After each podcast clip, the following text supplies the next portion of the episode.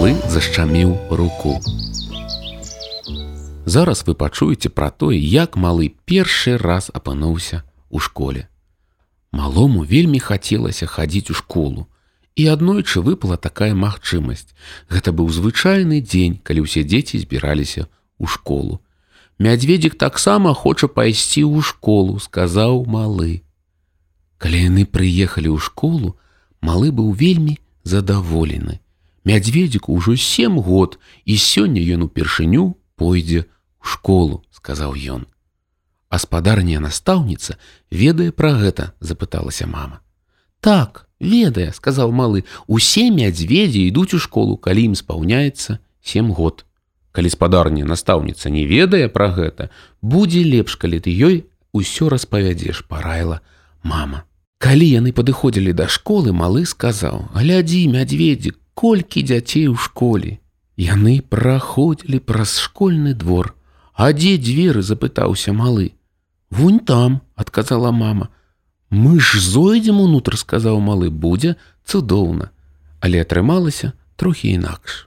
Дзверы ў школу былі вялікія ды цяжкія, а зверху была прамацавана спружына.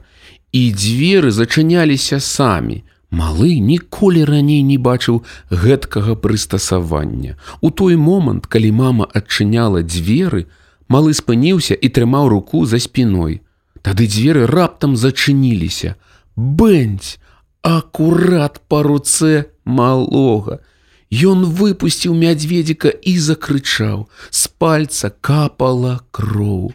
Мядзведзік валяўся на падлозе. Малы заплакаў. Тады мама ўзяла яго на рукі і паспрабавала выцягнуць нешта з сумкі. Прыбеглі дзеці, ім стала цікава, хто так гучна плача. А мама не магла адшукаць у сумцы насоўку і пластыр глядзіце закрычалі дзеці кроў на падлозе мама зразумела што пластарам тут ужо не абыдзешся малы плакаў. Глядзіце закрычалі дзеці кроў на мядзведзіку. Прыбегла спадарня настаўніца. У вас ёсць бінт запыталася мама. Бедны хлопчык пашкадавала малога настаўніца і пабегла ў пакой. Дзеці за ёй а малы зароў яшчэ грамчэй Дзеці прабегліся па мядзведзіку. Мама падняла яго з падлогі, ўсё яшчэ трымаючы малога, малы абняў свайго сябра і на таго закапала яшчэ больш крыві, а таксама на маму. Я зусім забылася на ключ, закрыцяла спадарня настаўніца і зноў кудысьці пабегла. Мама ўбачыла рукамынік і падышла да яго. Глядзіце, закрычалі дзеці. Можна прасачыць па слядах крыві на падлозе, куды яны пайшлі. Мама паліла вадой пальцы малога. Вада ў рукамыніку зрабілася чырвонай ад крыві.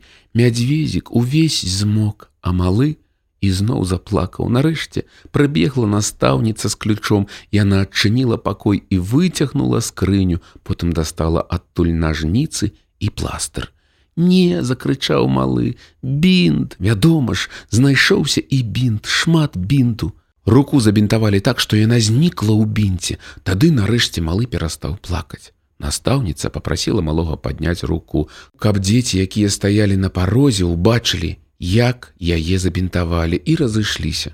Малы падняў руку, дзеці паглядзелі і пайшлі. Больш малы не плакаў, але ў вачах усё яшчэ было поўна слёз. Якая рука, сказала спадарня настаўніца уся ў бінце. Гэта самая вялікая рука якую я толькі бачыла.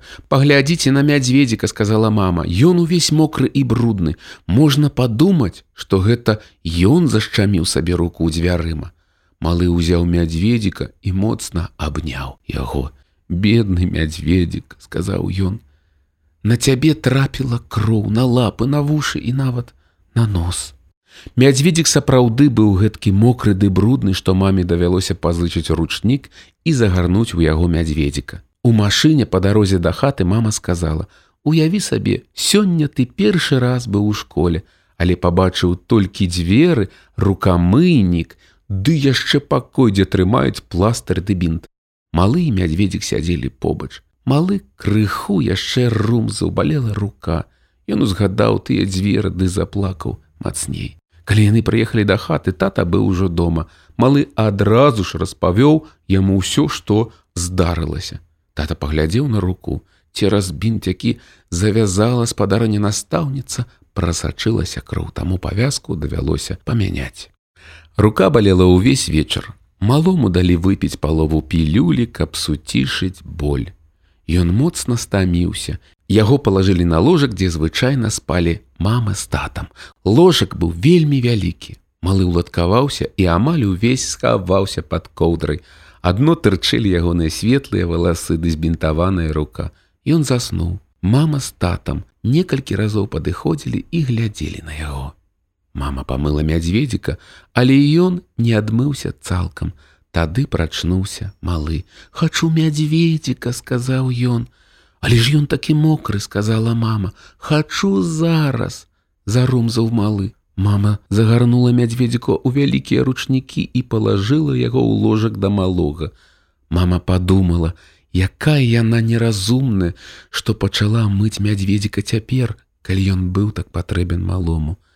На ім кроў, сказаў малы, Ён паглядзеў на мядзведзіка, бедны, яны прабегліся па табе, сказаў ён. Праз хвіліну ён ужо ізноў спаў побач з мядзведзікам.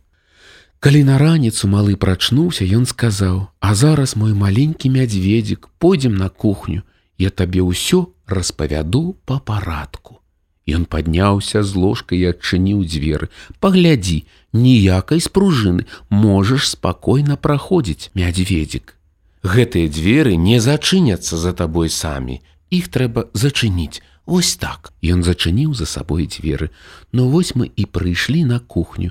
Тут мы будзем снедаць, а пасля, калі будзем выходзіць, ты таксама можаш не хвалявацца, бо у нас ва ўсім доме добрыя дзверы, цудоўна. Праўда?